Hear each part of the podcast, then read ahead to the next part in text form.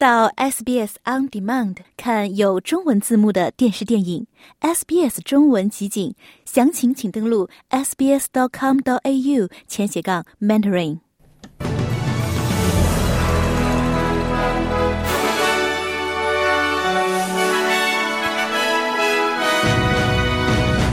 新年伊始，多项福利补助金上调。今天，澳洲东部海岸将普遍降雨。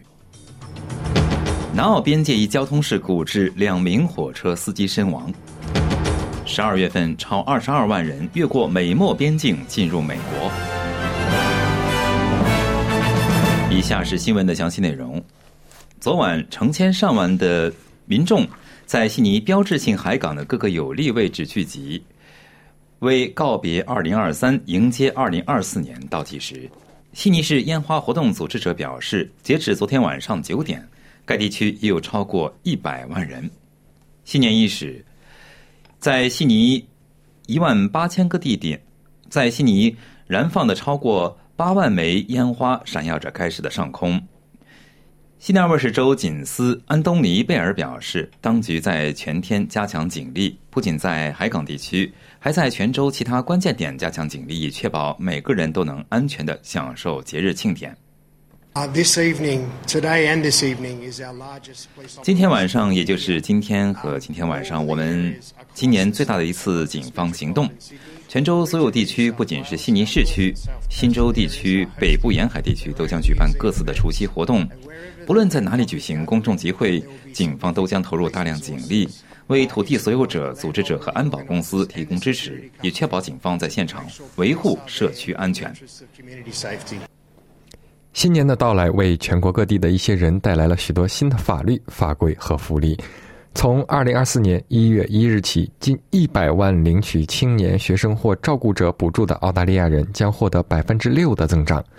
青年津贴每两周将增加二十二至四十五澳元，残疾补助金也将增加。同时，药品福利计划所涵盖的处方药价格也在下降，普通患者最高费用下降了百分之二十九，降至三十澳元。尽管采取了这些新的措施，但也有一些人，如澳大利亚社会服务委员会的首席执行官卡桑德拉·格尔迪表示，这些措施根本不够。每一元钱都将帮助那些经济严重困难的人，但我们需要为低收入者提供更大的救济方案。我们应该取消第三阶段的减税政策，我们负担不起。我们需要把这些钱给真正需要的人，而不是给全国收入最高的人。总理安东尼·阿尔巴尼斯在新年伊始向全体澳大利亚民众发出了一份新年书面致辞。阿尔巴尼斯在致辞中表示，过去的二零二三年是充满挑战的一年，所有澳大利亚民众都奋起迎接了挑战。他说，各种信仰背景和传统的民众丰富和扩大了我们的社会。在致辞结尾，总理表达了让世界上最伟大的国家变得更加美好的愿望。今天，二零二四年一月一日，二零零三年的内阁文件被公布。这些文件显示了霍华德内阁是如何迅速批准加入以美国为首的入侵伊拉克行动的这一备受争议的决定，但政府审议的大部分内容仍然是秘密的。国家档案馆馆长西蒙·弗劳德说：“关于伊拉克战争的大部分讨论都是与国家安全委员会少数几个高级部长进行的，而这些记录至今仍然被封存。”二零零三年期间，只有三百三十四份内阁记录。我们在此次公布的过程中，考虑了其中的二百六十份内阁记录的数量，通常会比这个数字高出很多。我认为这反映了这样一个事实，即由于国家安全委员会内部正在进行的讨论，许多记录是通过国家安全委员会程序，而不是内阁程序制作的。Discussion process as opposed to through the cabinet process. 在西南威尔士州和南澳洲边界附近，一辆火车撞上了一辆卡车，导致两名火车司机身亡。据报道，太平洋全国铁路公司的货运列车在南澳大利亚乡村地区宾达拉的 Barrier Highway 路段的一个平交道口与卡车相撞。该公司发言人在一份声明中表示，其首要任务是为司机家属提供最高级别的照顾。他们表示。此次事故对整个公司产生了深远的影响。二零二三年，在维多利亚州街头丧生的人数达到了两百九十六人。民众呼吁加大执法力度，减少交通事故造成的伤亡人数。数据显示，呃，造成伤亡的最大原因是疲劳、酒驾和未系安全带。在乡村道路上发生的事故最多，因乡村道路允许车辆高速行驶，受害者的生存机会非常的渺茫。预计新年，您正在收听的是 SBS 中文普通话节目。接下来关注更多国内、国际方面的消息。预计新年期间，澳大利亚东海岸部分地区将有强降雨。受洪水侵袭的社区将为更多潜在的突发洪水做准备。昨晚，昆士兰州东南部的黄金海岸、库兰加塔、塔布林山和斯普林布鲁克等地的居民高度警惕。恶劣天气预计预报当地将有强降雨。气象局称，据预测，新年前夜。降雨将影响该地区，并持续到周一。三至六小时的降雨总量可能在八十毫米至一百六十毫米之间，部分地区的二十四小时降雨总量可能超过两百毫米。气象局称，六小时内降雨量高达二百五十毫米的强降雨，可能会导致危险的、威胁生命安全的突发洪水。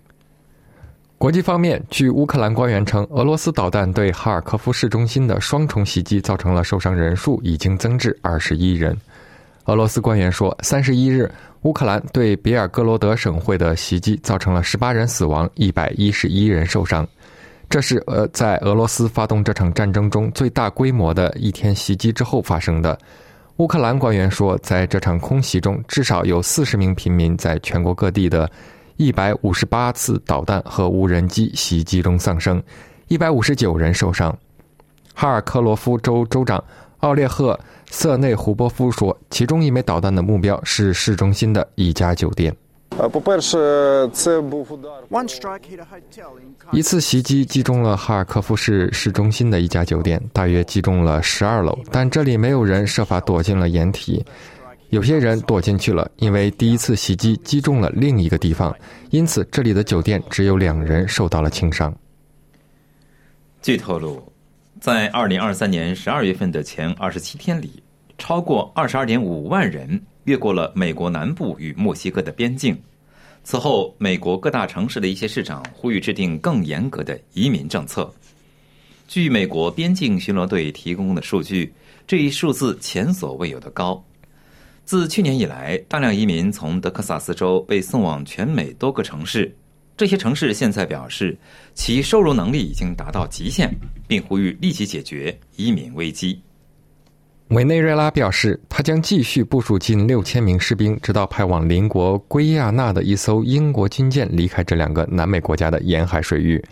委内瑞拉国防部长弗拉基米尔·帕德里诺在 X 上发布了一段视频。视频中，军官们簇拥着他在一张标有委内瑞拉和圭亚那的地图前。帕德里诺表示，这些部队在捍卫委内瑞拉的国家主权。委内瑞拉国防部长说，不仅在该国东部部署了武装部队，而在全国各地均有部署。委内瑞拉和委内瑞拉的人民可以相信，玻利瓦尔武装部队正在捍卫我们的国家主权。我们还将在大西洋前线驻扎军队，直到那艘英帝国主义的舰船离开委内瑞拉和圭亚那之间的争议水域。南非官员证实，在跨祖鲁纳塔尔省的小镇莱迪史密斯，突发洪水造成二十多人死亡。警方发言人罗伯特内茨雄达上校表示，救援人员在洪水留下的残余中发现了二十一具遗体。在圣诞节当天，这场灾难袭击了该镇，摧毁了约一千四百栋房屋。由于仍有一些还无法确认的民众失踪，死亡人数预计还会上升。英国电视制作人奈杰尔·莱斯格回击了宝拉·阿卜杜勒指控他在录制美国偶像节目时对他进行的性侵犯的诉讼。莱斯格告诉名人新闻网站 TMZ。他与宝拉作为亲爱的、完全柏拉图式的朋友和同事交往了二十多年。他告诉 TMZ，宝拉·阿卜杜勒对他的指控让他感到震惊和难过，而且这种震惊和难过仅仅是轻描淡写的描述。这位制片人称这些指控是虚假的，且极具冒犯性。接下来关注一下澳大利亚元在国际货币市场上的汇率：一澳元可以兑换零点六八一美元，一点零七七新西兰元。同时，今天一澳元可以兑换四点八三三元人民币。五点三二零元港币和二十点九二五元的新台币。来看一下全国各主要城市今天的天气情况。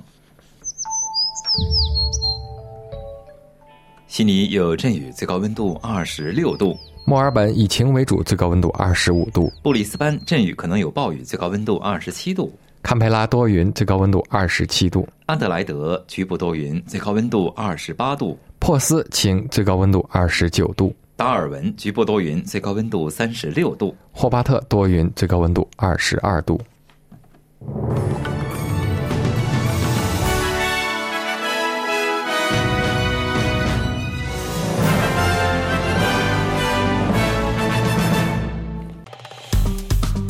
喜欢、分享、评论，欢迎您在 Facebook 上关注 SBS 普通话页面。